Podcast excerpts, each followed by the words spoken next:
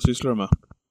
Nej, jag bara kollar ljudet. eh, Puffar på micken för senast hade jag glöm, Ja, glömt. det, det har vi fått, eh, det har vi fått klagomål på faktiskt. Oj, Det- oj, Ditt oj, ljud, som du är så noggrann med David, varje vecka. Mm. Ja, det har varit många mejl från irriterade lyssnare som undrar vad pip håller David Neves på med? Ja. Hans ljud var uruselt i den förra podden och det var det också.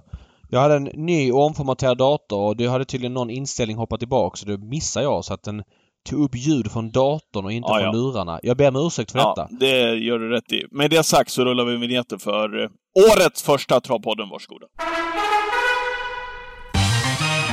Ska det bli svensk seger eller vad är det frågan om? What the horse, what the driver! God fortsättning alla lyssnare här på Travpodden. Vi är inne i 2022. Hur hade du på nyår? Eh, mycket trevligt faktiskt. Var hemma hos några vänner. Eh, väldigt lugnt. Det var rätt kul faktiskt för att det var en... De hade ytterligare en vän på plats. Vi var bara fem vuxna och så tre barn då och den här eh, eh, femte personen jobbade som eh, VD på någon så här matgrossist. Och han hade med sig 750 gram kaviar. Oj, Rysk kaviar. läckert! Jag kommer aldrig mer i mitt liv äta mer kaviar än vad jag gjorde nyårsafton 2021, 2022. Fan, vad jag Beluga. Kaviar. Ja, det, var, det är så otroligt gott alltså. Och så lite såhär nyår, man sitter och snackar skit. Man bara liksom äter obegränsat. Men 750 gram är väldigt Mm. mycket. Skedvis. Sked, nej, man tar inte med sked Patrik för att eh, det, det påverkar smaken. Man lägger upp det på handen. Du Okej. tar med, med en liten plastgrej och lägger upp det på handen så äter du därifrån. Är det så det är? Ja. Nej, Ja. grymt. Eh, jag hade en bra nyårsafton. Hur var din? Jättetrevlig. Han var ju hos grannarna som vi berättade här förra veckans podd. Mm. Eh, goda vänner till oss. Vi var eh, åtta vuxna och ett gäng Mm. barn. Eh, Mm. ett barnbord och ett Ja. vuxenbord. Ja, vilket satt du vid? Eh, Satt vid barnbordet såklart. Ja, såklart. Nej, väldigt trevligt. Eh, lugnt och stillsamt, skönt. Eh, kidsen hade, hade det mysigt framförallt, det är det viktigaste tycker jag. Mm. Men vi hade, vi hade det bra, även om vi inte hade beluga på bordet. Nej, nej. Men det, det, det funkade ändå. Ja, men så är det. Eh, jaha David, vart vill du börja årets första travpodden någonstans? Ska vi börja Ja. med Prix de Bourgogne som eh, ja, men alldeles nyss gick i mål höll jag på att säga. Det är ju det vi kan börja med. Det gick i mål alldeles nyss för, för ett par dagar sedan. Mm. Ehm, vad ska vi säga om Prix de Bourgogne? Don Fanucci Zet, vad säger vi om honom? Ja, men nu, nu måste jag få börja. Vi är bra där. Vi börjar med Don Fanucci sett såklart, den stora snackisen. Och man hörde också på Daniel Redén inför att han var ju väldigt optimistisk inför det här loppet. Vet inte om jag hört Daniel så tillfreds inför ett sånt här stort lopp. Daniel som ju, som han själv också beskriver, ofta går in i sin egen bubbla och blir lite virrig på storloppsdagarna. Men jag tyckte Mm. att man hörde liksom hur, eh, hur nöjd och komfortabel och tillfreds han var med tillvaron för Don Fanucci sett efter värmningen framför allt. När han var väldigt nöjd. Men jag måste säga det ändå. Eh, gjorde han så dåligt lopp? Jag får inte in det i, i, i huvudet alltså. Visst, han kanske kan några snäpp bättre, några procent bättre, men så dåligt var det inte. Som men- alla inom citationstecken vill ha det till. I min bok var han okej. Eh, I min bok han... så var han fyra plus. Nej, det var han inte i min bok. Jag hade Nej. högre för Han var Toto-favorit. Eh, nu säger jag inte att det alltid är sanningen. Han Nej, stod vid 3.20 när, när eh, bilen gick och han var okej var han. Han fick ett ganska tufft lopp. Ganska. Eh, i, ja, ganska tufft lopp. Okej. Jag har sett hästar få tuffare lopp. jo, jo. Men, jag- han kommer ner på Vincennes för att starta för första gången och det är inte Kreti och Pleti han möter där nere på Vincennes. Tyckte Kihlström var ganska så, jag läste en intervju med honom, var det på Aftonbladet? Eh, där han sa att ja, loppet blev inte riktigt som han tänkt sig. Man sa att det blev halvdant eller något sånt. Mm. Det var, det var Nej, han snällt fick- sagt, tycker jag. Ja, han fick gå ut och överta kanske någon gång för mycket och sådär. Ja, han körde Eh. väl alldeles för många speeder i loppet. Han, eh, han körde ett, eh, ett högst mediokert lopp. Två plus-lopp kör han eh, med Don Fanucci sett. Och det tror jag att han känner också eh, efter loppet, Örjan. Dels om man kollar starten, gick in och kollade starten tio gånger igår bara för att jag visste att vi skulle prata om det här i- podden. Mm. Så är han ju eh, före Vivid Wise Ass en bra bit efter start, men väljer att ta upp sin häst och Vivid Wise Ass får överta ledningen. Redan där hade Örjan kunnat köra till ledningen om han hade varit intresserad. För det övertaget hade han efter 150 meter in i loppet.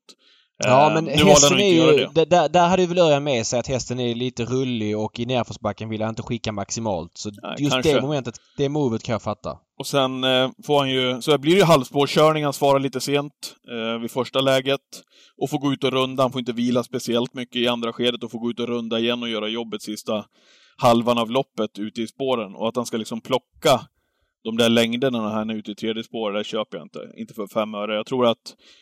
Jag tror ganska säker också på att Daniel tycker att prestationen var mycket bättre så här med distans till det än vad han var direkt efteråt när han fick mikrofonen under, under munnen när loppet precis hade gått ja, men jag, tyckte, jag tyckte han dalade väl mycket sista 150 meterna. Vi pratade om, om Elitloppsvinnaren eh, Daniel var väldigt nöjd med honom inför. Jag hade förväntningar på att han skulle med den här löpningen kanske kunna vara trea och, och något sånt där. Nu var han någon längd för dålig. Det är, inget, det är sett till mina förväntningar. Sen vad, vad Daniel tycker, han har ju såklart bättre koll än vad jag har. Så att om han har en annan uppfattning, ja, då får ju den kanske vara närmare facit. Men jag hade högre förväntningar på honom.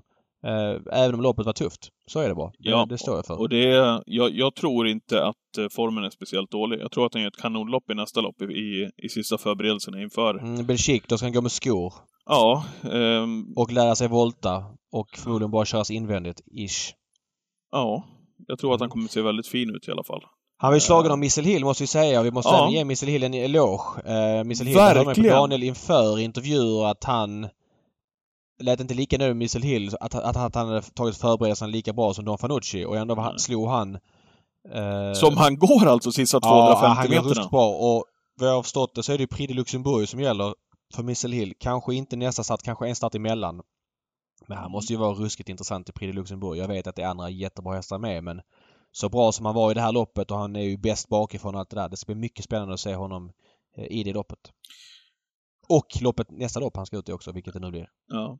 När du är, när du är en toppspelare här i SHL i ishocken och så åker du mm. över till NHL och så ska du spela lite grann där eh, och tro att, du liksom, att, du, att det ska funka lika bra.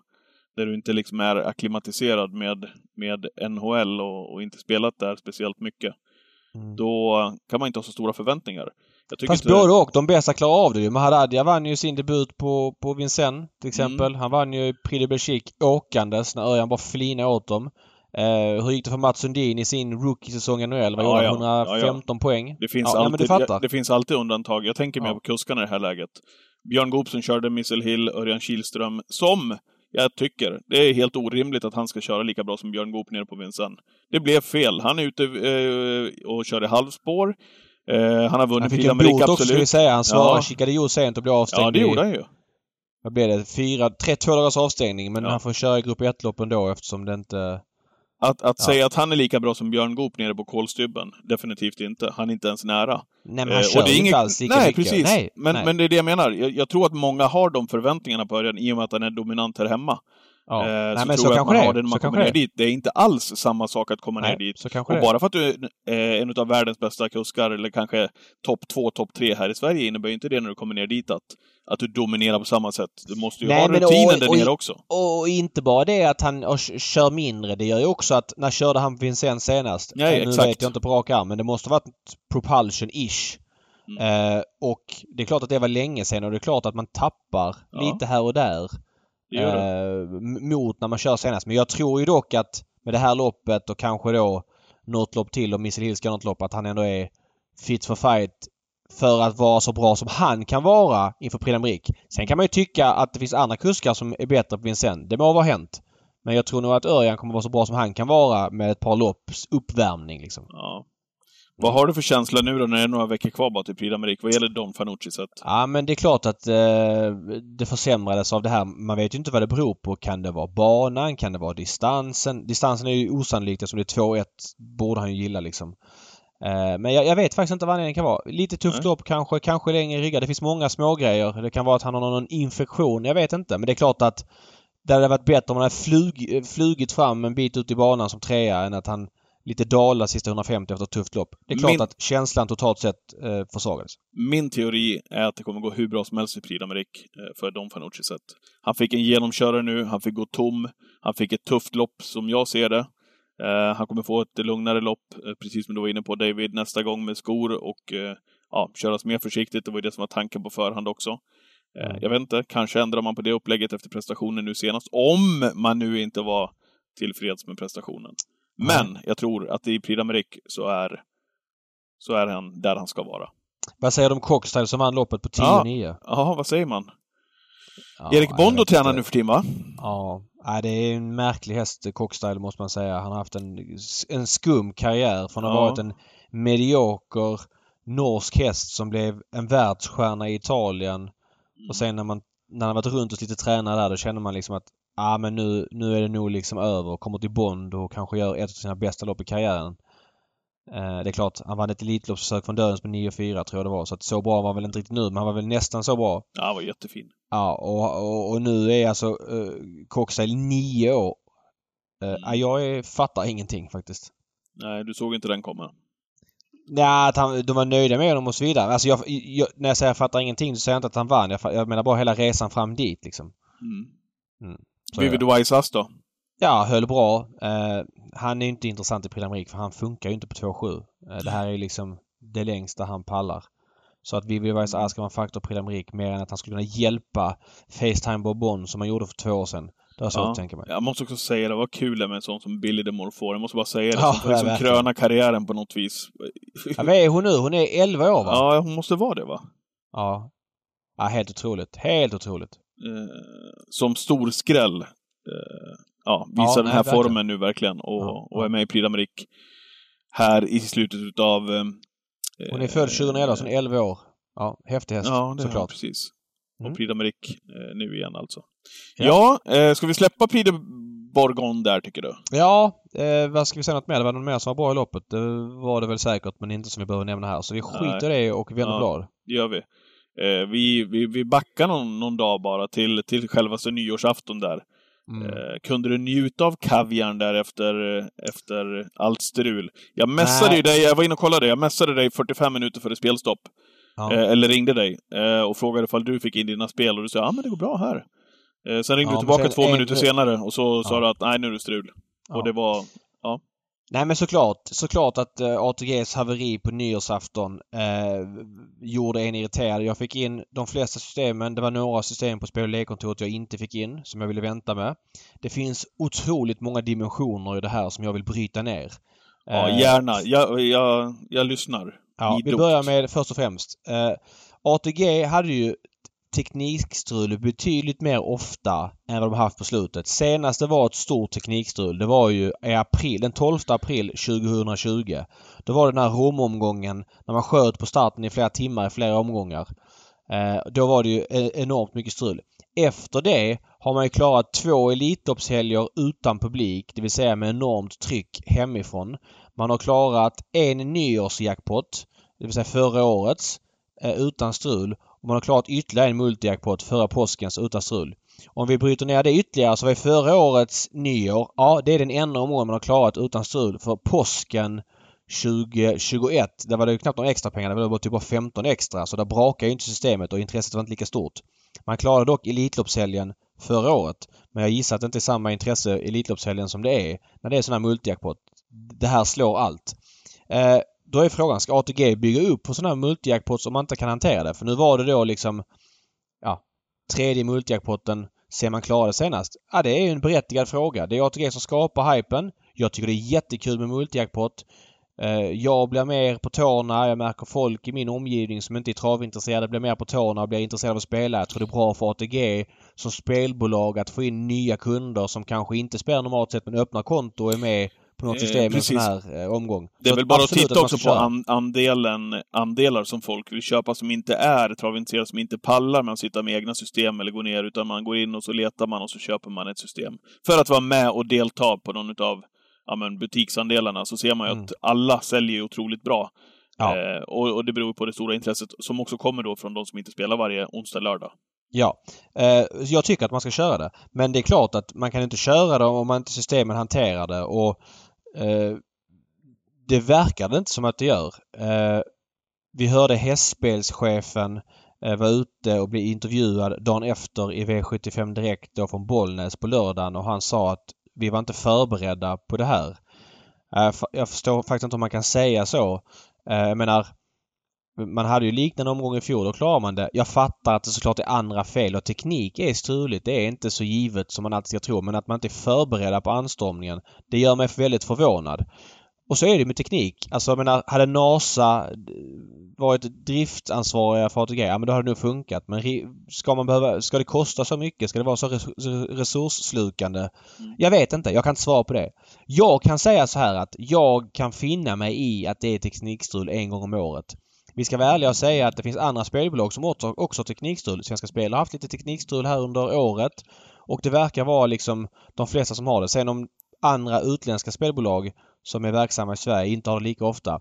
Det vet jag inte men jag vet inte om de har samma eh, drag heller som ATG har en nyårsafton. Det kanske man har under VM-final och folk ska arbeta. Jag vet inte. Men det har hänt andra spelbolag också. Det måste vi säga. Det är inte bara ATG. Eh, men då är liksom... Då är frågan. Det här är ändå eh, spelarnas pengar. Det är spelarna som har eh, pottat till de här eh, ATG ja. använder spelarnas pengar för att bygga den här multijackpotten. Och eh, spelarna får alltså inte chansen att slåss om pengarna. Eh, som jag pratade om på Romme där 2020, då sköt man alltså på starten, jag tror tre gånger. Det blev totalt typ kanske två timmar man sköt på starten. Ish, säger vi. Ja men det var eh, något sånt faktiskt. Jag, jag ja. jobbade ju på Romme den, den ja. dagen och ja. vi, vi vandrade av och ander och fick nya besked ja. hela tiden. Och jag gissar att man efter den omgången hade någon ny policy nu att det är bara en kvart man får skjuta på det. Eh, jag tycker det är helt fel att man bara kan skjuta på den kvart. När det är multijackpot... Ja, men alltså det, det är... gör ju varken från eller till. Nej, menar, jo, om... vänta. Jo, men vänta nu. Ja. Om det är multijackpot och spelarna har lånat ut sina pengar till, till den här potten, då måste... Om man är seriös med sin kundvård ja. och, och, och, det måste ATG vara med spelarna och, travet i stort med folk som spelar på trav. Då måste folk få chans att spela. Då kan man inte skjuta upp den kvart. Vad hjälpte den kvarten? Nej men det är det jag säger, det hjälpte ju ja. föga. Alltså Nej. vad gör det att skjuta fram en kvart? Jag menar, Nej. då kan du ge ett fan i att skjuta fram en kvart. Ja. Utan du kunde ha kört klockan 15.00 ja. i alla fall, för det är och, samma och så, sak. Så Hasse Skarplöt var intervjuad idag av eh, Trav 365 och då säger han att vi kan inte skjuta fram en kvart för hästvälfärdens skull. Det är ett avtal vi har med SD. Men här tycker jag SD måste förstå jag menar, är det en multijackpot och det är det här intresset, då måste man skjuta på det en timme direkt. Du kan inte skjuta på den en kvart och, och sen så bara hoppas på att det löser sig och sen säga nej, men hästarna går först. Då är min fråga, vad händer med en travhäst om den är förberedd? Ja, den kan prestera sämre. Eh, och det är mycket sådana omständigheter som kan hända om du spelar på trav. Det kan komma en störtskur som gör att man skjuter på starten. Det kan vara materialfel som gör att man skjuter på starterna. Det kan hända hundratals saker som gör att eh, en häst liksom inte presterar på topp. Och då menar jag att är det en sån här omgång då måste man, då måste spelarna gå först. Det är klart att man inte kan låta hästarna vara på banan och skjuta på starten då. Men nu hände det här i så god tid att man kunde direkt tagit beslutet. Vi skjuter på en timme så att det blir en skillnad. Man kanske hinner starta om något system och så vidare. I det här fallet en kvart och sen ingenting. Ja men det hjälper väl ingen. Ja. Det blir dålig good, badwill för, för många kunder som blir irriterade på hästsporten. Det är jättemycket omsättningspengar som försvinner. Det här är ju pengar på toppen. Nu landar väl omsättningen på 100 Eh, 55 miljoner. Men säg att det är 10 miljoner som försvinner i omsättning. Ja, 35 procent i ATG och så 18 procent skatt på det. Det är ju nästan 3 miljoner i, i prispengar. Eftersom det är på toppen så det är en helt en bra tävlingsdag som går bort för att ATGs system inte fungerar. Om du frågar de aktiva, är det värt att hästen inte kan förberedas optimalt mot att du får en extra tävlingsdag eller 3 miljoner mer prispengar? Ja, det tror jag att de säger. Eh, och sen är det då så att någon häst eh, inte kan förberedas optimalt. Äh, då får du stryka hästen så får SD skicka transportbidrag till den hästen för att det inte fungerar så får man resan betald. Spelarna måste gå först i det här läget. Det är kunderna och det är det som travet bygger på. Sen är det så här, är det en annan tävlingsdag, säg att det är extra V75 eller att det är V64 eller storlopp. Absolut inte skjuta på starten. De loppen är så pass viktiga att där måste det finnas rättvisa förutsättningar så gott det går. Ja för att hästarna ska prestera. Men när det är en multijackpot, visst det är fina pengar att köra om. Men ja, sorry, vi måste skjuta på det för att det här är prio idag. Sen får man hitta en balans såklart med att låta de aktiva få veta så fort när felet mm. uppdateras att vi skjuter på en timme direkt så att vi håller på att hatta en kvart i stöten. Det går ju inte. Nej. Utan ta ett tidigt beslut så att kunderna får in systemen. Det är min prio. Sen så kanske folk får jobba över och så vidare. Ja, då kan ATG ta av den extra omsättningen och pröjsa de personerna så att de blir nöjda. Mm. Vad var det som hände på Bollnäs här för massa år sedan? Det var väl något liknande? körde man ju kvällstävlingar. Kvälls V75 blev det. Var det banan som var... var ja, det, var klen, tror jag. tror jag det var banan. Det, ja, då sköt man tam, jag tror det var tre också. timmar. Tre, fyra timmar sköt man fram Absolut. tävlingarna. V75, och, och, så det går ju att göra. Ja, och sen är det ju så här, tycker jag ATG har vissa eh, saker att lite grann ta tag i när det gäller sådana här grejer. Att det händer teknikstrul, det är väl det som är svårast att styra över. Kommunikationen efteråt. Tre timmar efter det här hände säger man i V75 Direkt. Ja, vi läser sms härifrån från ATG och man säger att det är bara inloggade kunder, det är bara kunder som inte varit inloggade som inte fick in sina system. Inloggade kunder fick in sina spel. Det är skitsnack. Det var jättemånga inloggade kunder som inte fick in spelen. Jag fick inte in vissa spel Nej, för jag och jag var inloggad. Hur kan ATG inte ha kollat det här innan man kommunicerar ut det? Det här gör bara folk ännu mer intresserade. Tre timmar efter det har hänt måste man ha samlat ihop sig, pratat ihop sig. Det här kommunicerar vi. Då kommer några halvdåliga förklaringar som inte stämde överens med sanningen. Irriterande. Och sen Jag, blir, jag får bli lite djävulens advokat här Ja, då, det David, jag det får jag. Även om jag håller med dig i allt du säger, givetvis. Ja, du får, du får, Men, men för det. det, det är några som har, eh, några få ska jag väl säga, som säger då till, till oss och till, till många andra, där de hade köpt andelar. Eh, ja, men varför sitter ni och väntar med att lämna in systemen? Det kan jag svara på direkt. När det gäller våra system i alla fall, eller mina på, på spel och lekkontoret på ATG, Mm. så sitter jag och väntar in eh, det senaste. Vi fick till exempel nu någon sen struken häst här, var det på nyårsafton eller var det omgången före, här på Winterburst, Ja, eh, ja. som påverkar ganska så mycket spel. Ehm, och sitta och vänta in det sista. Och det menar jag att ja, men jag kan lämna in spelen 20 minuter innan. Det är inga problem. Eh, men jag lämnar inte in systemet tre timmar innan bara för att jag är rädd att det ska bli teknikstrul. Då kan jag lika gärna, då kan jag lika gärna eh, strunta Ja, alltså, i att det lämna in kupongen Det överhuvudtaget. argumentet, det argumentet är så dåligt. Lämna in i tidigare. Vi hörde Hanske vara ute och prata här i media om Ja, men det, den, den artikeln kan Men- inte varit korrläst ens. Nej, alltså Hanske och alla andra. Så här är det att många spelar efter utdelningsreducering och då spelar du på hur mycket data som Joker-systemet som jag i det här fallet spelar med. Det finns ju andra system man kan spela med.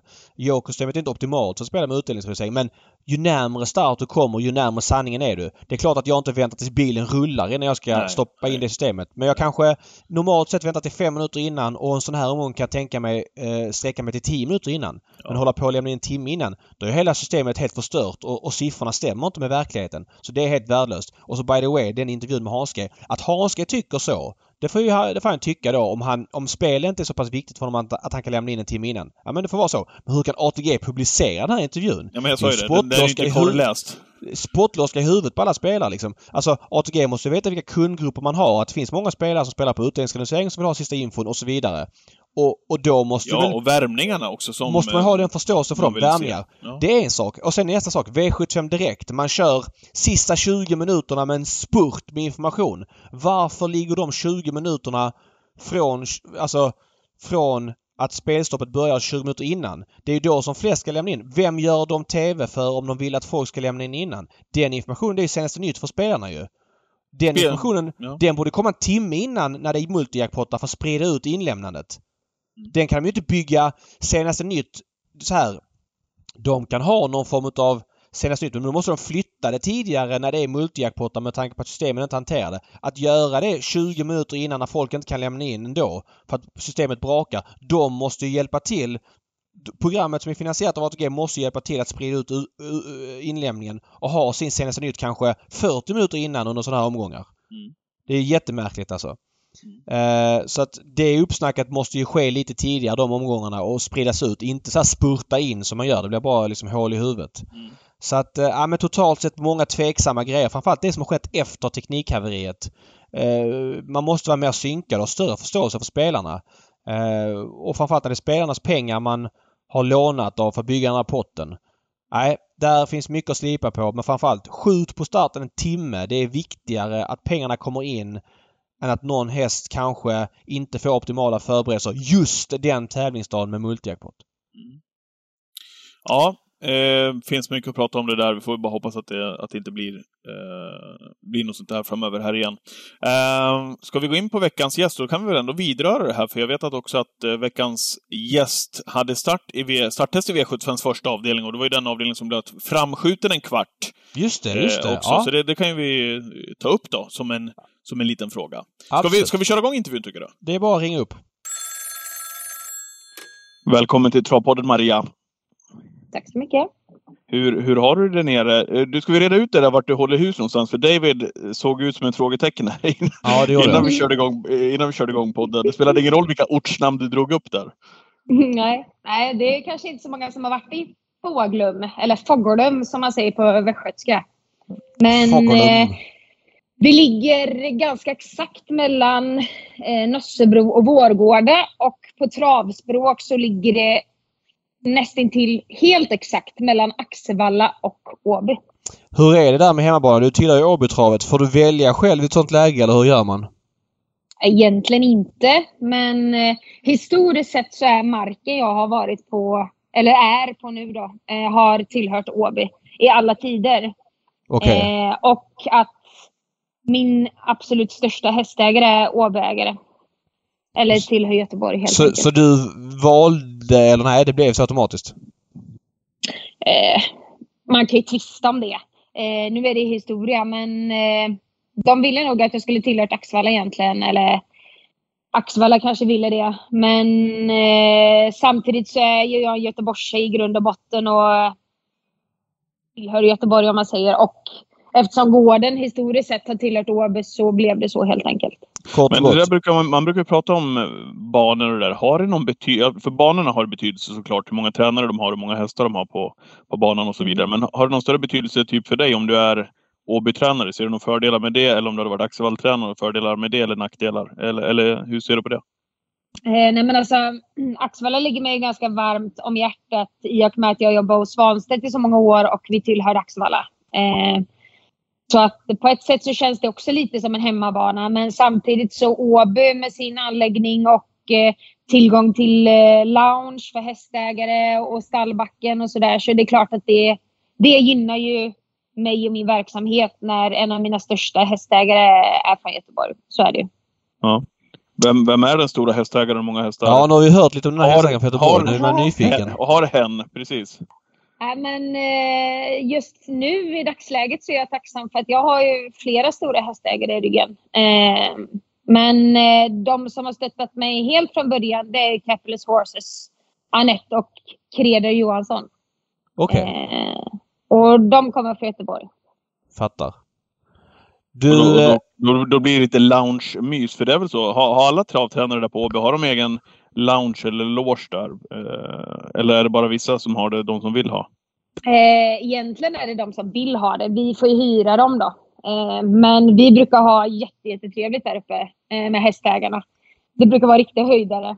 Så oftast eh, till V75 så brukar jag försöka att fixa lite god mat och dryck och sådär. Det är liksom skönt tugg där uppe. Det är avslappnat, eh, man ser bra, man kan se värmningarna. Eh, man brukar spela någon V7 tillsammans och sådär. Så det blir liksom skön stämning. Vad kul! Det där är väldigt viktigt Mm. att tänka på med hästägarna. Det tror jag många uppskattar väldigt mycket som hästägare. Verkligen! Och just det där Åby, har du varit dit och tittat någon gång David? Det, Ja, ja, ja, ja, ja absolut. Ja, det, det är ju verkligen supertrevligt och någonting som fler banor borde ta efter. Nej men så är det ju. Det har vi konstaterat här tidigare att Åby är etta eh, på det i Sverige. Eh, nu är ju de först ut med sin nya anl- anläggning men just hela den grejen med integreringen mellan stallbackar och publikplats. Där är man nummer ett. Och så är man nummer Ja. ett på många andra ställen också men där är man det. Du Maria, vad säger du om din rörelse för dagen? 59 hästar på träningslistan. Väldigt många tvååringar. Mm. Eh, jättekul. Jag har suttit och kört tvååringar hela dagen idag. Eh, jag brukar göra det på onsdagar. Då brukar jag åka upp och köra igenom allihopa. Då. Men eh, nej, eh, trivs eh, jättebra för dagen och det är jättekul att jobba med så himla fina unghästar som vi har också. Mm, 22 stycken är det. Vad, eh, vad har du för träningsfilosofi? Eh, den absoluta grunden i min träningsfilosofi det är dels att låta hästarna vara hästar. Att de går mycket ute och mycket i hage. Och gärna i flock. Eh, så länge som Mm. det bara går. Eh, och sen jobbar vi jättemycket med hästarna. Eh, vi, från det att vi börjar hantera dem och tumköra dem så hanteras de väldigt mycket. Och det gör att de blir väldigt lugna och trygga att hålla på med och det är skönt liksom. Ehm, så att eh, vi tränar dem mycket helt enkelt. Ofta och kanske inte jättehårt utan att de tränar hellre lite mindre men ofta då. Du, Eh, du, nämnde Åke papp. Svan, ja, men du nämnde Åke Svanstedt där som, som att du hade varit hos. Hur mycket har du tagit ifrån Åke när du pratar om det här? Eh, inte speciellt mycket för vi hade ju knappt några unghästar vet ni. Eh, de Nej. kom ju till oss oftast som tvååringar. Sommaren, hösten som tvååringar. Eh, och de kom från lite olika ställen så vi hade egentligen kanske inte en och samma unghästtränare hade vi inte då. Nej. Ja. Var det medvetet från Åkes att- sida att göra så? Att, att ta in dem då för att han eh, hade en bättre, hur ska jag uttrycka det, han hade bättre king med hästarna när de var äldre eller hur, hur, hur blev det där så? Äh, Jag tycker han har bevisat i USA att han Ja det har han gjort nu ja, precis. eh, Absolut. bemästrar unga hästar. Utan Det var nog helt enkelt så att vi hade inte plats. Alltså, vi hade ju så otroligt mycket hästar. I och för sig när jag började så hade vi kanske lite mer tvååringar eh, som skötare då. Mm. eh, lite tidigare. Men sen i takt med att han växte och blev större och vi hade över 200 häst så var han tvungen att portionera ut dem. Mm, fattar. Eh, Tillbaka till det där med, med din verksamhet. sa Du tränar hellre hårt men lite, sa du det? Nej, Nej, tvärtom. Eh, ja, starthästarna gör ju hellre det med. De tränar oftast bara två gånger i veckan och då tränar de rejält. Ja, Ehm, Och, och så en kort sekvens. Ja, precis. Och så kanske, ja, vi tränar en timme ungefär. då. Det beror lite på. ehm, det beror på vilken period de är i. Eh, är de i en uppbyggnadsperiod så eh, går de oftast dubbelhit. Eh, Okej. och det innebär att vi värmer kanske 6-7 kilometer och sen eh, kör vi backintervaller. Mm. Ehm, sex vändor och sen går de faktiskt in och vilar i en 35 minuter. Okej. Ehm, mm. Och sen åker vi ut och kör antingen rundbana eller rakbana efter det. Vad har du för backe? Hur lång är den? Ja, den är grym. Jag älskar min backe. Jag tänkte, säga, det- jag tänkte säga det, när man kommer ner i de där trakterna så låter det ju inte som att det är värsta kuperade terrängen. Nej, det är det faktiskt inte heller. Den är konst... Eller ja, den är lite konstig. Och det är ett berg. Jag har ett berg bakom gården om man säger med skog och sådär som tillhör mig. Då. Men eh, själva backen byggde Hans Adler en gång i tiden, alltså Sulan. Det. eh, som är granne till mig. Och Mhm. Eh, jag har ju utvecklat den lite grann och förlängt den och, och bytt lite material på den och sådär. Så den är grym att köra i alltså. Ja, vad Det kul. måste jag säga. Vad, Mm. vad har du? Vi snackade ju hade Anders Eriksson förra veckan och han pratade ju om sin backe där på, på, på yttersta som Hultman har tränat upp Elitloppsvinnare och Prix d'Amérique-vinnare i. Men också lite grann om nersidan med backe, att man måste vara försiktig. Vad tänker du runt backen? Det måste man absolut vara. Du måste ha lite känsla. När jag kör de tunga, riktigt tuffa jobben, alltså tryckvagn eller dubbelhit, så har vi alltid, alltid pulsklocka på dem.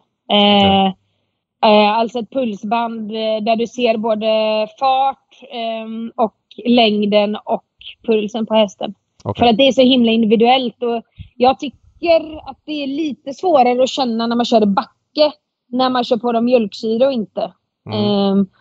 Om man kör i sandbana eller på rakbana så tycker jag det är enklare. Då känner man liksom att nu börjar de bli trötta och då får man köra hem liksom. Och inte köra på dem för mycket mjölksyra. Ehm, Mm. Men i backen, kör man en eller två intervaller för mycket så är det lätt att köra sönder dem. Mm. Fattar. Du, det stora antalet tvååringar du har, eh, hur har de hamnat hos dig? Jobbar du mycket på auktioner eller åker du till uppfödare innan de kommer ut på auktion? Hur tänker du runt det? Ja, det gör jag. Eh, åker runt väldigt mycket. Eh, och till, helst så många som möjligt. Även de små uppfödarna försöker jag ta mig tid att åka till. Ehm, men sen även också naturligtvis, det är svårt att hinna besiktiga alla eh, som kommer på auktionerna. Så är det. Men på auktionerna så försöker jag besiktiga alla hästar. Liksom. Det kan vara någon stam man känner att den här vill jag absolut inte ha i träning. Ge ett exempel på en sån stam. Jag vill höra ett exempel på en sån stam. Åh! Eh, Usch, nu kommer jag låta jättehemskt. Man ska inte göra så här döma ut. Men alltså, Can Work in Tin är inte en favorithingst hos mig. Alltså. Nej men vad kul för Eh. att Ke- Ken Workington, det, det, det kan man ju säga med gott samvete för han har ändå lämnat eh, helt okej Heavy Sound bland annat och, och så Absolut. vidare. Men eh, alla tränare får ju sin liksom lilla hookup. Berätta varför du inte gillar Ken Workington som avelshingst. För att jag har jättedålig erfarenhet Ja av såklart. Men, alltså, de har varit, lösa benbitar, det bara jinglar om dem. Ja, och de har varit, ja, och sen har de varit eh, både dåliga och dumma att hålla på med sådär. Så man, och du vet när man har sett ett par stycken sådana, då får man liksom bara ingen bra bild. Nej Eh, såklart. Nej, men så det är då, klart det är då så. blir det att man kanske bara tittar in i boxen men man passerar en sån där liksom. Så Ja. är det ju. Jag fattar det. Det är mycket vi- mänskligt vi- att göra så. Ja, och det, och det är väl, det är väl eh, vanligt att man, man har både favorithingstar och sådana som man kanske gärna går förbi. Då ska vi säga till hans försvar, precis som du var inne på David, så att vi har det sagt. Eh, Han har ju lämnat Heavy Sound, In Sund här i Sverige, Random Destiny med nästan 6 miljoner och så vidare och så vidare. Så det, det finns ju ett gäng fina hästar Ja, som han har lämnat där. Worthington. Patrik, kan, kan du säga en avelsing som du inte gillar? När vi är inne på ämnet. Eh, men kan man ta vilken man vill då? Ja men alltså, du kan inte säga kopiad för det, det gör ingen som gillar kopiad som avelshingst liksom. Även om han har lämnat några miljonärer. Det Ja, men det är hundra år sedan. Ni, Ja. ni måste ta något som Ja är du måste aktuellt. någon, någon som finns liksom aktuell Patrik nu. Nu måste du ta ställning. Okej, här. låt mig fundera så kommer jag tillbaka i podden här då, i Ja. intervjun med Maria. Ja, då får du göra det. Okej. Eh, men vad kul, vad, vad spännande koncept. Eh, att du har liksom, menar 21 tvååringar, det är ganska mycket, stor procent av dina 59 hästar. Det är en tredjedel liksom.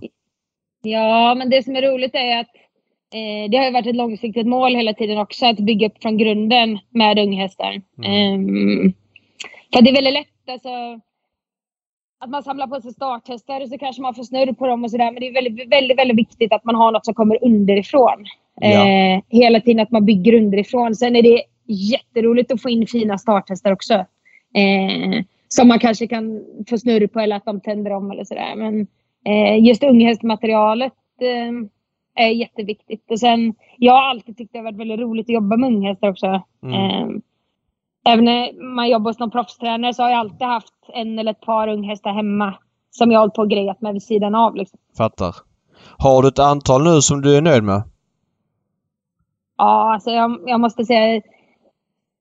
Jag, det låter partiskt att säga så här, liksom, eller, men alltså jag måste säga att jag var supernöjd med alla jag körde idag. Jag var på semester förra, förra veckan och då får man lite perspektiv när man liksom släpper grejerna hemma och åker iväg. Ja. Och inte kan se en häst på en vecka. Liksom. Men det är skönt att komma hem och så kör man dem och alla uppför sig helt perfekt och ja, travar bra. Och liksom, aveln har gått så framåt de sista 10-15 åren. Så att det är så himla fina individer idag att jobba med. Japp. Eh, men Mm. jag, jag tänker på antalet hästar. Har du fler boxar än 59? Hur tänker du runt det? Nej, jag har bestämt mig ganska eh, exakt för att ligga runt 60 hästar. Sen om det är plussar eller går minus med fem hästar hit eller dit, det spelar ingen roll. Men jag kommer inte eh, kliva över skyttestrecket och bli en stortränare. Det har jag bara bestämt mig för. Mm, Okej. Eh, det är bättre att hålla kvaliteten. Liksom. Ja. Om man kollar, jag var inne och kollade till din hemsida innan, innan vi ringde upp dig här Maria, så, har, så skriver du på hemsidan att du, du mixar ifrån de du har varit hos tidigare när det gäller liksom ditt tankesätt. Då kan man säga att du har varit hos Ludvig Colgjini en sejour, du har varit hos Tarzan Melander en sejour, Åke som vi nämnde, eh, Ulf Stenströmer en liten sväng, också Alf Jonsson och så vidare. Är det någon av de här som har satt starka avtryck i dig med ditt sätt att se på hästar och så som du jobbar? Ja, självklart. Alltså, jag jobbade hos Alf Jonsson, då var jag inte så gammal. Alltså, då eh, studerade jag på Vången och så sommarjobbade jag hos Alf. Eh, det man lärde sig hos Alf var ju framförallt att hantera svåra hästar. Eh, Mm. Han är ju känd för att ha lite halvdumma hästar, men det, det hade väl jag kanske inte förstått på den tiden när man ringde upp Alf och frågade om man kunde få sommarjobba hos han. Han var ju skitnöjd att det ringde någon jänta som ville komma dit och greja. Eh, och där fick man ju lära sig väldigt mycket nyttigt. Eh, och sen naturligtvis, eftersom jag jobbat hos Åke så länge som jag gjorde så är det omöjligt att säga att han inte har satt avtryck. Eh, han gjorde det så himla enkelt med över 200 hästar på listan. Eh, och liksom inte komplicera till det. Det var så himla enkelt. Alltså, det, kolla på, på han i USA nu liksom. Han kör med öppet huvudlag och han kör barfota och gärna utan käk och sådär liksom. Det strider ju lite mot eh, Mm, mm. det de gör där borta annars. Men, men då är min fråga, när, man, när du säger så, varför gör inte fler på det sättet? Faktiskt en jättebra fråga. Jag vet faktiskt inte. Och det är klart att det går inte att kopiera Åke heller, det han gjorde. Eh, det är många som har försökt och inte lyckats. Men eh, jag vet faktiskt inte hur han kan lyckas hålla det så enkelt. Alltså jag är fortfarande imponerad över det. Med personal och hästar och alltihopa. Liksom. Jag, jag kan inte svara på det riktigt. Nej. Nej, det, det för att nu är det Redén Sann som många försöker, jag ska inte säga kopiera, men ta efter i varje fall hans värmningssätt. Alltså det går ju cyklar i det där men det är ju väldigt svårt även om Redén är öppen med han tränar och det är vem som helst som kommer dit så är det ändå svårt med den lilla finishen att få till det. Det är klart det. Och det, jag är helt övertygad om att eh, det är individuellt. Alltså vissa personer har det och vissa personer har det inte. Så är det bara. Har man den där lilla extra feelingen så syns det. Mm. Och alla vet om det. Också liksom att eh, den här människan det är liksom en, eh, en hästkar som man säger, sa förr i tiden. Eller liksom att eh, den här personen är extremt duktig och har öga för att kunna läsa djuret. Mm. Eh, och hur man ska träna på bästa sätt. Liksom. Mm. Fattar. Mm. Du, jag måste fråga. Peter Sadell, är han anställd hos dig eller? För jag vet att han kör en del åt dig. Mm, stämmer bra. Okej. Eh, han och hans flickvän. Han gled upp eh, till mig på defileringsholten på Åby och eh, frågade om jag hade jobb åt honom. Okej. Och jag varit lite paff och tänkte ja, nej det har jag faktiskt inte, så jag till han direkt sådär. Men sen, sen när man kom in och började tänka lite så tänkte man att eh, jag får nog kolla upp den här killen lite grann. Och, och eh, det har jag inte ångrat att eh, jag anställde både han och hans flickvän. De är superduktiga. Men är han försteman då eller? Ja, lite grann är jag ju det. Framförallt nu eftersom jag växt också så blir det ju så att eh, jag kan lägga över mycket, mycket mer ansvar på honom och inte stå själv med allting liksom och sko hästar och åka på tävlingar och sådär. Utan jag kan faktiskt med gott samvete stanna hemma en kväll. Ja. Mm.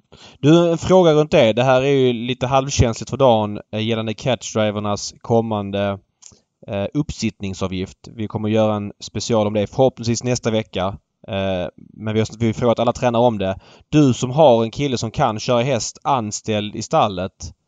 Eh, kommer det påverka valet av kusk framöver? För du använder även catchdrivers så, som då kommer ta den här uppsittningsavgiften. Hur, hur, kan man säga någonting om hur dina ägare resonerar runt det? Eh, det här är ju superkänsligt och det kommer Ja. vara känsligt ett tag framöver innan, innan det blir satt lite hur det kommer se ut. Det känns ju som att det kommer bli någon schablonavgift. Eh, måste ju till för att som det är nu så vet vi inte vem som tar vad eller vem som kommer ta vad. Eller liksom, det är väldigt rörigt. Men eh, generellt sett så tror jag att det kommer påverka vardagstravet väldigt mycket. Eh, att mina hästägare kommer säkert välja eh, en lärling eller någon annan eh, duktig kusk då, som är på väg uppåt. Som Mm. inte tar en uppsittningsgift. Det tror jag faktiskt. Eh, sen det är klart när det vill till de stora loppen och V75 och sådär så vet ju ni likväl som jag som kollar på så mycket trav att de här som kör så extremt mycket lopp som sitter och kör mellan en fem och tio lopp per kväll. Eh, de har en helt annan rutin och så är det ju bara. Mm. Eh, Ja, och Ja. Det, blir, det blir ju också lite grann, du säger att hästägaren beställer. Det är också lite grann vad det är för typ av häst. Är det en stökig häst som kräver en viss typ av kusk? Är det en häst som ska köras för seger eller ska den kanske bara vara fjärde inner? Ja, då är det kanske inte kul Mm. för den proffskusken att köra den hästen heller. Så att det finns väl grader i allting. Jag bara tycker ämnet är väldigt intressant nu och svänger lite grann i vad jag tycker om det. Men det är bara intressant att höra vad ni liksom aktiva säger om det och hur ni tror att det påverkar. Det är ju inte så mycket pengar om man ser till vad en hästägare lägger på en häst. Det ska man vara noga med att säga. Det är ju en mm. ganska liten peng och den kan vara ganska avgörande för det är där prispengarna delas ut. Det ska man vara noga med att säga också liksom. Ehm, Mm. Men det, det är väldigt många som tycker till om det här och det är därför det är intressant att fråga. Ja, eftersom du har då en kille som kör en del åt dig anställd i stallet. Ja, och det, jag tror att det bara kommer gynna både mig och honom och hästägarna om det kommer bli så här att det går igenom. Mm. Um, sen generellt sett så är det många hästägare som är riktigt irriterade. Ehm, samtidigt på ett sätt så kan jag ju till viss del um, förstå med catchdriven också. Liksom. Eh, samtidigt så är det ju vi tränare och hästskötare, eh, hästägare som levererar materialet till dem. Så att det finns många aspekter att väga in. Um... Ja, och återigen, det är ju väl en fri marknad så om några stycken vill ta det och ja, om inte folk vill sätta upp dem då får de kanske sänka sina priser och om det funkar på då tycker jag det är helt rätt att de tar betalt. För att är man extremt duktig på någonting och är så avgörande när prispengarna fördelas, ja då kan man nog ta betalt helt enkelt ja, det är nog så, så det känns i alla fall. Ehm, Det är som din träningsavgift. Det är klart att om det går bra för dig och du märker att hästägare står på kö och du bara har 70 boxar men du kan in 100 hästar. Då kan du eventuellt höja träningsavgiften eller selektera ut hästar och så vidare. Absolut, så är det. Och alla som är i den här branschen vet ju att det är hårt arbete bakom allting. Mm. Eh, det spelar ingen roll vad man gör med runt hästarna så är det ju hårt arbete. Men det viktiga är att vi får inte glömma bort hästägarna för att eh, och framförallt hästägarna, hästskötarna och spelarna för att det är de som ser till att vi kan rulla som vi gör. Liksom. Det är så viktigt. eh, Det enda som jag tycker är tråkigt är att det blir lätt så negativ klang Mm. över allting. Det spelar ingen roll vilken debatt det blir, om det är spödebatten eller om det är liksom... Det är väldigt viktigt. Alltså, vi måste försöka värna om hela sporten för det är så viktigt att eh, det positiva lyfts fram. Att det inte blir det här negativa, gnälliga. För att det känns som att det blir så himla destruktivt på något sätt. Liksom. Absolut. Jag måste ställa en konkret fråga faktiskt på det ämnet du sa. För att du, sa- du sa spelare. V75 på nyårsafton så hade du Beethoven i V71 som gjorde ett bra lopp från dödens. Eh, det var ju strul med ATG. Eh, de gjorde att man Mm. sköt på starten en kvart. Eh, men man eh, sa också att vi kommer bara skjuta en kvart för hästarnas välstånd. Vi pratade om det här lite grann innan i podden också. Det här ämnet. Mm. Vi har ju rätt ut det lite grann. Men var går gränsen för dig? För så här. Eh, att ATG, om ATG hade kunnat skjuta på starten till klockan fyra säger vi. Då Mm. kanske du hade fått förbereda hästen lite annorlunda. Det vet man inte om Mm. den presterar lika bra eller inte. Samtidigt, säg att det är vi ponerar att det är 20 miljoner som skulle försvinna i omsättning. Nu kanske det inte var så mycket den här gången. Men eftersom det är på Mm. toppen av en hög omsättning så är det ju efter skatt i princip raka prispengar. Typ 5 miljoner i prispengar. Mm. Och det är ändå spelarnas utlånade pengar som man kör om. Hur mycket skulle du kunna stretcha, alltså acceptera, skulle du kunna känna så här, okej vi kör 16.00 den här omgången, då pratar jag såklart om multijackpot-omgångar då spelarna lå- lånat ut pengarna. Men kan du känna då, ja ah, men det får vara värt det den här rundan för att det är så pass mycket? Eller skulle du känna, nej, jag vill förbereda min häst optimalt och då är det max en kvart. Vad säger du om det? Ja, I mitt fall så kan jag ju bara säga att för det första så har jag en häst som blir extremt nervös. Han är jättenoggrann med att ha rutiner. Och honom påverkar det faktiskt för att eh, färdigselad med knätejp på och vagnen på och sånt där. Och det går inte att ta av det igen på honom för han blir så sjukt stressad. Mm. Och vi stod dessutom i en utebox som är helt öppen. Så att det, det fanns, alltså, står man i ett stall med en stallgång och sådär så är det kanske inte säkert att det påverkar. Men just när du har dragit åt grejerna, alltså bukjord, du har tagit på tungband, du har tagit på knäkappor. Det är klart att tungband och knäkappor kan du ta av, men eh, och behöva börja spänna upp bukjorden och sånt där när du får besked om att ja, men det kommer bara skjutas en liten stund och sådär. Det, det, är liksom, det är jag ganska övertygad om att det påverkar. Okej. Eh, sen kanske det är en part av... Jag förstår vad jag menar. Det är lika för alla hästar. Alla hästar stod där lika länge. Mm. Ehm, så att det är ingen som blir drabbad mer eller mindre. Sen är det väldigt individuellt. Eh, och den här gången så blev det väl en spelare som fick 4 miljoner om jag inte minns helt fel va? Nej, alltså på V75. Det var 3 miljoner gav V75 i... I alltså, i, alltså på Mm. nyårsafton. Och det var många som, som hade den ju. Eh, Ja, just det. Men alltså så här, man kan tycka vad man vill och sådär. Jag tror att alla vi inom travet landar alltid i att hästarna går först. Men Mm. Jag tycker att det finns en passus i det. När, när jag pratade om det här tidigare också. Men att när det är extra pengar som spelarna faktiskt har lånat ut för att spela på. Om inte de får chansen att spela, det är ju den sämsta möjliga ku- kundvården som finns. Då menar jag på att om man anmäler till en omgång Alltså först och främst ska ATG-system fungera ju. Det är ju givet. Mm. Men om man anmäler till en sån omgång då kanske man ska skriva in, jag vet inte, att ja, men ATG förhåller sig rätten att flytta på starten en timme i god tid så att du vet om det. Eh, Mm. Att det är det du får förhålla dig till. För det är så pass mycket pengar det handlar om och så pass mycket rykte för ATG som är travets liksom, spelbolag. Och jag, just eftersom du hade en häst i V751 i eh, fr- fredags var det, förlåt. Eh, inte lördags. Och, och, och Beethoven som, som kanske blev lite het av det här, det vet man ju inte. Han var väldigt bra från döden ska jag säga. Men du fattar alltså att det, Mm. det är liksom så många intressekonflikter. Eftersom du själv tog upp spelaren så undrar jag vad du tyckte eftersom det var så pass aktuellt liksom. Jag håller med. Jag håller faktiskt med dig helt. För dels, vi behöver spelarna. Mm. Och vi lever på de pengarna. Man får liksom inte glömma det. Sen det är klart att tycker jag det är helt horribelt av ATG som bolag, alltså som omsätter så sjukt mycket pengar, att de inte bara kan ordna den här tekniken. Mm. Hur många gånger sitter man inte och ska kolla på ett lopp och så håller det på och hackar och det har sig och eh, man hör hela tiden att folk inte kan lämna in spel och liksom, alltså, det händer lite för ofta. Mm. Eh, tycker jag. Ja. Jag tycker kanske att det borde kunna på något vi- vis liksom gå att få till bättre.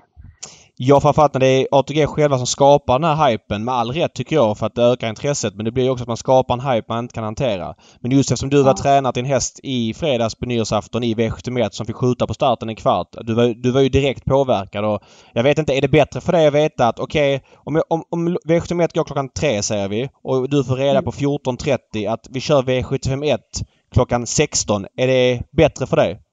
Ja, det är klart det. är, För då hinner man ju inte börja ta på... Från det momentet att du lägger på selen på hästen. De vet ju precis vad de ska göra. Liksom. De laddar ju upp precis som en elitidrottare liksom, som vet Mm. vad de ska göra. Mm. Och eh, i mitt fall så hade det i alla fall varit mycket bättre om det hade kommit tidigare så man inte hade hunnit börja förbereda hästen. Mm. Och sen är det så att det där haveriet kom ju när det kom. Alltså det kan man ju inte styra över så det där blir som Mm. det blir. Men du menar alltså Ja. att en timme är lättare för dig än om det bara blir... Alltså om man tar en kvart i stöten, säger nu blir det bara en kvart, sen stängde man. Men om man kör en kvart och sen en kvart igen, det måste vara värre. Det måste vara bättre för dig att veta, okej en timme går det, då kan jag börja om förberedelserna. Ja, det är klart det var. Ja. Problemet var ju bara att de hann ju ropa ut i defilering. Det var det som var lite tråkigt då. Ja, jag fattar. Eh, okej. att Ja. spiken, på, spiken på travbanan han ju ropa ut, nu är det sju minuter till defilering, eh, lopp fem. Ja. Och då testen och förbereder den och sen när de har stått med grejerna på sig några minuter, då kommer det här beskedet att tyvärr så måste vi skjuta på starten. Mm. Det var ju lite olyckligt då. Ja. Ehm, Mm. Ja, Så ja. enkelt. Det är som det är. Mm. Eh, Ja. Vi ska prata lite V75 eh, på Mantorp på lördag. Patrik ska först svara på avelshingsten som han inte gillar. Har du funderat ut det? För det var tyst nu i 45 minuter känns som. Hade du någon avelshingst eller? Tryggt tillbaka lutad och lyssna på er. Det är härligt. Eh, ja, jag, jag, det finns ju hur många som helst att ta. Men man måste ju ta någon som är lite väletablerad ju. Mm. Eller som har ett namn i alla fall. Mm. Eh, Bold Eagle. Ja, intressant.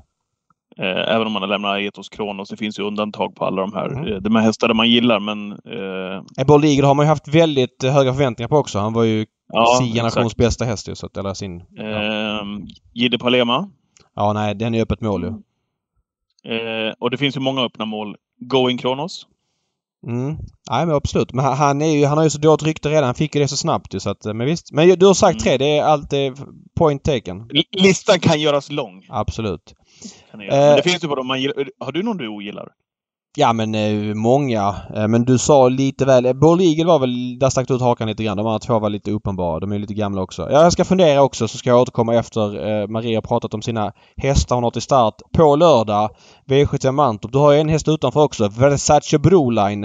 Eller vad var det för uttal? Vers- Versace Broline som gör debut i din regi. Eh, vad kan vi förvänta oss av honom i ett ungdomslopp?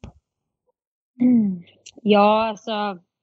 Han har inte varit hos oss så länge. Vi har haft han i lite drygt en månad. Men eh, eh första uppfattningen man har om hästen är att det är en väldigt fin individ. Eh, sen eh, får han ju nästan bedömas på tidigare meriter då, för han har ju bara gått rutinjobb hos oss.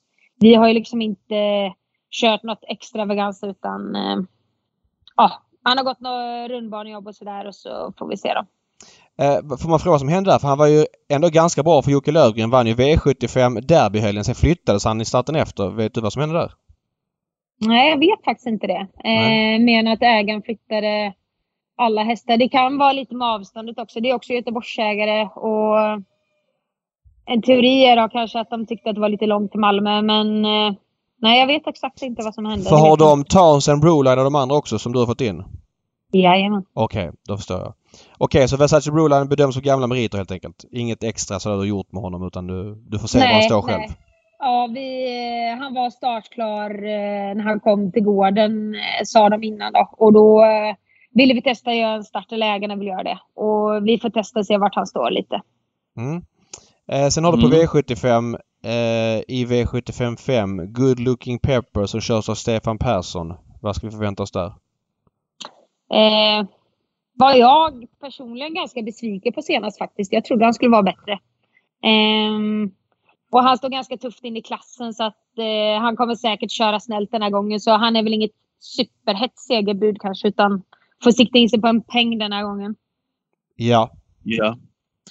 Eh, vad var, var, det som du säger där Maria, står ju hårt, hårt in i loppet. Var det anmälning för att det var nära till Mantorp eller vad, vad kände Nej, du? Att Han gillar, han gillar 1600 meter och sen eh, det är lite tunt med lopp överlag. Jag har många hästar i samma klass så att jag måste försöka sortera ut dem lite. Och som sagt, den här gillar ju korta häcken 1600 meter och han gillar Mantorp så att då chansar vi anmälda då. Mm. japp. Sen har Och du... sen i V75 7 va? Ja. P- Patrik Eh. svor sig irriterad över Random RD senast, eller hur? Eh, Va- Hade inte du den? Senast? Nej, det var inte du. Just det, det var en annan kompis. Nej. Förlåt. Jag har flera nej, kompisar jag än dig känner inte igen det där. Nej, just Har du var- det? Ja. Vad kul, kul att höra. ja, vad säger vi om den? Eh, ja, jag var supernöjd med han sist eh, på Örebro i alla fall. Eh, vågade ju lägga på ett helstängt huvudlag på honom då och jag hade på känn att det skulle fungera bra. Och han gick med full fart över mål och var inte speciellt trött efteråt och det är ju bra för då har de inte så mycket mjölksyra i kroppen. Så att han borde gå ytterligare lite framåt med det kanske. Just det, han gjorde ett jäkla bra lopp. Han slog ju Nicky Flax och Quarcia och Elone ett gäng där ju. Mm. Eh, nej, så det var bra. Det var snöpligt att han inte fick vinna, men eh, det är ju så ibland. Mm. Ja, nu vart ju, nu vart det också skitläge. Ja, så Mm. att eh, det blir väl lite lugnare upplägg för han också den här gången. Han får gå bakifrån igen och så får vi se då. Men jag tror ju att eh, Håkan K Perssons häst är ganska överlägsen i det här loppet från det läget. Oj, det även känns. mot Sweetman. Ja, ja men jag gillar, jag tyckte han var så fin ut sist. Ja, jag gången. håller med. Var Dessutom, Håkan. K har ju Ja. form på djuren nu. Alltså, jag tycker de har gått bra Mm. på slutet. Mm. Ja. Men om det är någon av dina Ja, ska med på enig. V75 så är det Randemer i så fall. Ja, precis. Det är andra. Ja. Eh, avslutningsvis Maria, av de här hästarna vi har pratat om, om de här tvååringarna och det övriga stallet, finns det några liksom hästar som du känner som du kan lämna ut till alla lyssnare som du känner är lite extra för kapacitetsmässigt av de, av de du har i träning som vi kan få hålla lite extra ögon på? Ja, det finns det. Men eh, jag är skrockfull. Eh, man ska inte hålla på och jinxa Ja. och sånt där. Men det... Ja, men det, det, det, ni- ni är ofta skrockfulla, men det, det brukar funka ändå. ja du slipper. Du slipper. För jag, jag, jag, man Nej, men inte... jag passar mig. Jag passar mig. Alltså, jag ser som så här. Jag tycker ändå att jag har flera bra hästar i stallet. Eh, Ja. Så att, eh, Okej. Ja, men jättebra Maria. Tusen tack för att du var med. Lycka till på Mantorp på lördag framöver så, så håller vi connection. Vad, vad hade du för hingst då, David? Ja men jag tycker, just det, bra avslutning där Patrik. Ja men jag tycker så här. Eh, men nu, till skillnad från dig så tar jag ju hingstar som är bra och, och, och dissar Ja, okej. Patrik. Ja. Du stack inte. Men Ja. Lavio är en, en hingst som är hyllad av många, framförallt Robert Berg och de är ju bra som äldre men Oj. sett, sett till vad han kostar och intresset, det är ju inte så många unghästlopp de är med i, om jag säger så. Så att eh, då har jag sagt mitt, mitt eh, bidrag Wow. till debatten. Mm? En av mina favorithingstar. Ja, om du vill vinna nioårskriteriet är han skitbra men... eh, Ja, det eller Elitloppet kanske. Ja, ja kanske det. Ja. Ja, men svinbra. Vi hörs Maria då. Ja, Toppen. supertack. Ha det bra. Tack, tack. Hej, hej. Hej då. Ja, härligt att prata lite. Håller du på att slå på micken igen nu? Nej, jag ville bara kolla det eftersom det var en ny inspelning vi startade. Ja, okej. Jaha. Eh, härligt att prata med Maria. Eh, det är inte läge att skicka dit en Ken Workington. Ring- Ringa och säga så här, Maria, jag har en Ken Workington. Jättefin häst här. Ja. Eh, lite strulig och sådär, men ja, skulle du vilja tänka dig att kunna ta in en träning? Det är inte läge. Jag tycker det är skitkul när tränarna säger så att, alltså det är ju hennes uppfattning, det är hennes subjektiva bedömning, men att de ändå landar i det och också höra anledningen till det liksom. För alla har ju liksom sån här, ja men det är ju inte så att Stefan Melander tycker att Scarlet Knight, Superfoot och Cosmos och Nuncio är världens bästa avelshingstar men det är de han äger, det är klart han promotar dem. Det är kul att höra liksom det som han har upp, det de har uppfattning av hur det liksom landar, tycker jag. Det där är också värt ett eget avsnitt, känner jag. Någonstans. Avel, och, för det där är både du och jag intresserade utav. Ja, men det, är det, får inte så mycket utrymme egentligen i den här podden. Ja, men det tycker jag det får ändå. Tycker ganska du det? mycket. Ja, Ja. men det tycker jag ändå. Alltså, vi måste ändå hålla det på en, på en balanserad nivå, men vi kan köra lite mer avel någon gång. Absolut. Ja, vi kan väl eh, grotta ner oss lite grann i det eh, framöver. Apropå det, de hör av sig nu och undrar när kommer det där avsnittet egentligen som David har lovat ut här med 500 kronors avgiften för catch drivers. Hur, Ja, går, det, hur går det egentligen? Jag lovar det till den här veckan och jag får väl göra en liten pudel där. Eh, Det kommer det avsnittet. Men vi vill ha rätt personer och att rätt personer kan vara med i podden och, och ha gott om tid och är avslappnade. Du har varit i kontakt med några stycken kan vi väl Ja, men det har inte riktigt klaffat i den här veckan och förhoppningsvis har vi en lösning på gång till nästa vecka. Eh, och då kör vi då. Det är bättre att göra det bra vid rätt tid än att slänga ut det bara ska ut snabbt. Så att vi, vi fokar på nästa vecka. Jag lovar inte nästa vecka, men Nej. jag säger att det är favoritscenario på att det blir nästa vecka om alla inblandade kan. Men är det så här då, när du säger också här i intervjun att du svänger lite grann i det här, är det så stort då som vi gör det till? Ja, men... Är du med vad jag menar? Ja, jag, men jag, jag, jag, skruvar ju också upp mig här. Ja, men både och liksom. Alltså, det här, det är många som tycker till om det, många som berörs av det. Jag vill höra från catchdriver-håll hur man resonerar och jag tror det är bra för folk att de får en uppfattning också hur catchdriverna resonerar. Det, annars blir det liksom en, man får sämre förståelse för varandra och så vidare. Det finns liksom Ja, många klokt. sidor av myntet och då Ja. får de förklara sig och jag vill ha mer kött på benen också lite grann. Ja. Men, men jag var först initialt väldigt kritisk till att man bara skulle ta det men jag landar ju ändå i såklart i att ja, men det är klart att, Att du gärna pungar upp en 500 innan Nej, det är klart. men att ma- marknaden får styra eh, om man tycker det är värt det. Däremot om alla kuskar ska ta 500 ja, då är det ju mycket dyrare att äga, eller klart dyrare att äga häst. Och Har du Det fler blir- hästar så det- blir det ju ändå Det blir dyrt också att starta några gånger i Ja, men- månaden. så är det. Så att eh, och de, det är ju kuskar som käkar upp hela prishöjningen liksom. Och vissa kanske behöver göra det för att eh, hamna i en bättre dräglig tillvaro. Så får marknaden då bedöma om det funkar eller inte. Det är inte svårare än så. Mm. Och det avsnittet kommer så småningom Ja, här i, i, i Travpodden. Förhoppningsvis nästa vecka. Förhoppningsvis. Mm. eh, då rundar vi med det här.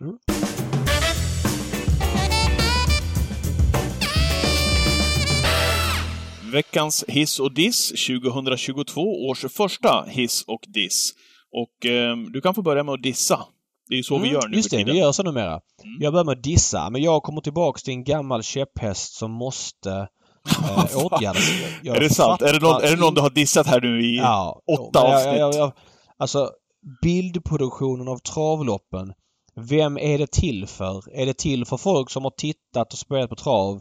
Eller är det till för eh, någon, någon, någon TV-mässa i Cannes där vi ska sälja in travet som någon ball sport. Så här kan man bilproducera loppen.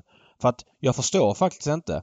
De här inzoomningarna sista varvet, framförallt i sista sväng. Hästar är gott gåendes nere i kön. Zoomar in på ledaren. Jag vill ju se hur hästen i kön går. Visst, jag kan se det på Horse Tracking System som för övrigt är helt överlägset. Hur ungefär hur hästen går. Men vi som spelar på trav och, och följer travet vill ju se hästarna. Du, har ju, hur du, har ju, du, travar har ju, den. du har ju missat... Du, du missar ju hela vad travlopp är för någonting om du Ja, zoomar in i om du sista sväng. hänvisar till Horse Tracking System. Jag vill se hästarna. Hur svårt ska det vara att förstå? Det är ett avgörande skede av loppet. Ingången till sista sväng. Då kommer alltid den jävla inzoomningen på ledaren. Jag skiter väl i ledaren. Jag vill se hela fältet. Junior-VM i hockey ställdes in här över nyårshelgen som du vet. Eh, Ja. Och det var ju... Det var... Ja, det var häpnadsväckande att följa sändningarna därifrån. Man hade alltså placerat kameran långt ner, nästan så att man, kände att kameran, huvudkameran var mellan båsen. Det var väl kanske på rad åtta eller någonting i arenan. Och du fick ingen känsla alls över hockeyplanen liksom, som du får normalt sett där hemma i SHL. Eh, där du har en fantastisk bildproduktion för övrigt i, i C More. Eh, utan det var inzoomat och du hade inte en aning om vart han skulle slå passningen eller någonting. Det påminner ju lite grann om det, just i de här avgörande ögonblicken. Vad är det som händer? Eh, det, är det är inte, det är inte en inzoomning på, på en häst eller en kusk du vill ha 300 kvar. Då vill du ha hela fältet. Och 350 och, kvar också. Ja men och, och så här. Det är klart att det är bra att man testar. Alltså vi kan inte ha den bruna ormen som gick runt konstant i flera år och som inte var så sexig. Folk skulle Nej. på trav-tv så var det liksom med en helbildskamera hela loppet. Nej. nej. Nej, men jag, det är klart att vi måste utvecklas och man kan göra det på olika sätt. Men det får ju inte frångå uppdraget att förmedla det som sker i loppet till tittaren. Jag, jag kan inte förstå det. Och att Det är ju inte också där, David, i de där situationerna från, ja men vi säger, säg 500 och in då. Det är ju där du har också de Ja, men- här eh, små marginalerna. Är det någon som hittar såklart. ut? Är det någon som är på väg att Ja, eh, hitta luckor Kommer från luckan? tredje invändigt? Exakt, någon Eh. tröttnar annars på. Kommer luckan för det? Nej, då zoomar vi in på ledaren. Alltså, och, och, och, ja, men det finns så otroligt många aspekter där. Och, och starten framifrån på autostart. Alltså vad fan är det för någonting? Jag vill se starten från sidan så jag ser hur fort en häst öppnar i förhållande till andra. Och det här är ju en grej som jag vet att många tycker det, men folk har givit upp. Folk orkar inte längre för att man kör sitt race när man bildproducerar loppen. Men loppen måste bildproduceras med hänvisning till de som spelar och tittar på trav. Inte för dem i TV-mässan i Cannes. De skiter nog i det i längden. Då avslutar vi med eh, årets första hiss då. Mm? Och eh, jag har ju en förkärlek till att ta fram eh, lovande unga tränare och även kuskar som jag tycker gör eh, ja, men gott avtryck. Dels i, i sulken framförallt, men också efteråt och inför loppen i, i intervjuer. Eh, vad känner du spontant när jag kastar ur mig född 1999, hemmabanan Bollnäs, vann V75-lopp så sent som nu under nyårshelgen med Tale of Jacks. Eh, Linus Lönn. Vad Ja. säger magkänslan då? Ja, men Rakt bra. spontant. Jättebra. Och eh, för tio år sedan upplevde inte jag att det fanns lika många lovande kuskar som det finns just nu. Nu kör de mycket bättre och gör mycket mindre eh, misstag om man får generalisera. Son till eh, Bollnäs-tränaren Thomas, Thomas Lönn. Bachelor's Dream. Oj, det är den du plockar fram. American Pride. Ja, det finns, finns ett par till. Men, Ja. eh, ja. Han hade verkligen en, eh, en eh, storhetsperiod där när han fick in lite äldre hästar och förvaltade dem och, och Mm, gjorde slutet om på dem. och blev 00-talet skulle jag säga. Bachelor's Dream var som bäst då. 08, Ja, 09 kanske. typ. Ja. Kanske.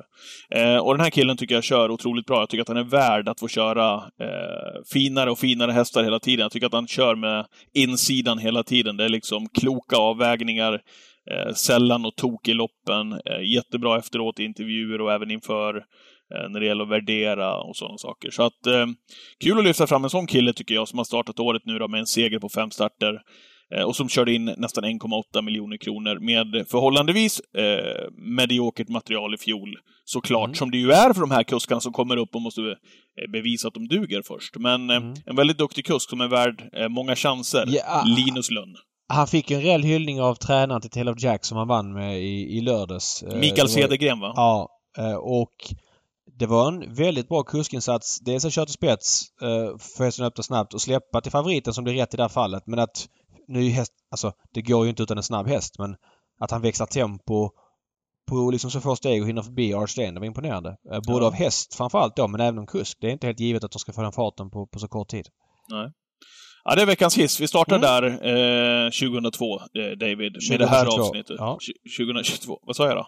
2002. 2002. Eh, vi startar 2022 med, eh, med den där dissen och hissen. Och så är vi tillbaka, får vi se vad det är för innehåll nästa vecka igen. Mm, vi är peppade. Vi Ja. önskar... Och så vi ska säga det, vi är ju såklart på Twitch. Eh, kör vi på lördag. Då kör vi V75 Snackat i Mantorp. Vi eh, sparar det tills dess för då är det mer aktuellt. Att vi rapar ur oss några vinnare här som sen hinner ändras till på lördag. blir, blir Nej, bra utan Det blir kallt. det blir kallt. Framförallt när vi spelar in onsdagar. Eh, torsdag är lite närmare men så vi fokar på, sparar det till på lördag. Eh, Ja. Twitch, The Gambling Cabin skriver man då 13 till 14 ordinarie tid efter specialavsnittet som gjorde på nyårsafton som gick lite tidigare. Eh, på söndag också bara en inflik. Eh, Grand Ja. Slam 75 ifrån Romme. Jag är på plats. Tänkte att ha något spel där på spel och lekkontoret om man vill vara med och spela lite Grand Slam på söndagen och inte ha något bättre för sig. Ja, vad kul! Det låter väl som en, Ja, en, en bra Det ska söndag? jag göra. Det är en bra, bra grej att det är ju fa Cup-helg i England bland annat. Så att det är en skön grej att inte slippa plugga men ändå ha med på en lapp. Ja. Bra Patrik! Mm. Härligt! Vi, vi säger så för nu. Eh, Tack för att ni lyssnade under hela förra året. Häng med oss även det här året, så är vi igång med Travpodden igen. Vi önskar alla en god fortsättning. Eh, På det nya året så hörs vi igen nästa vecka. Håller connection, hej! Hej!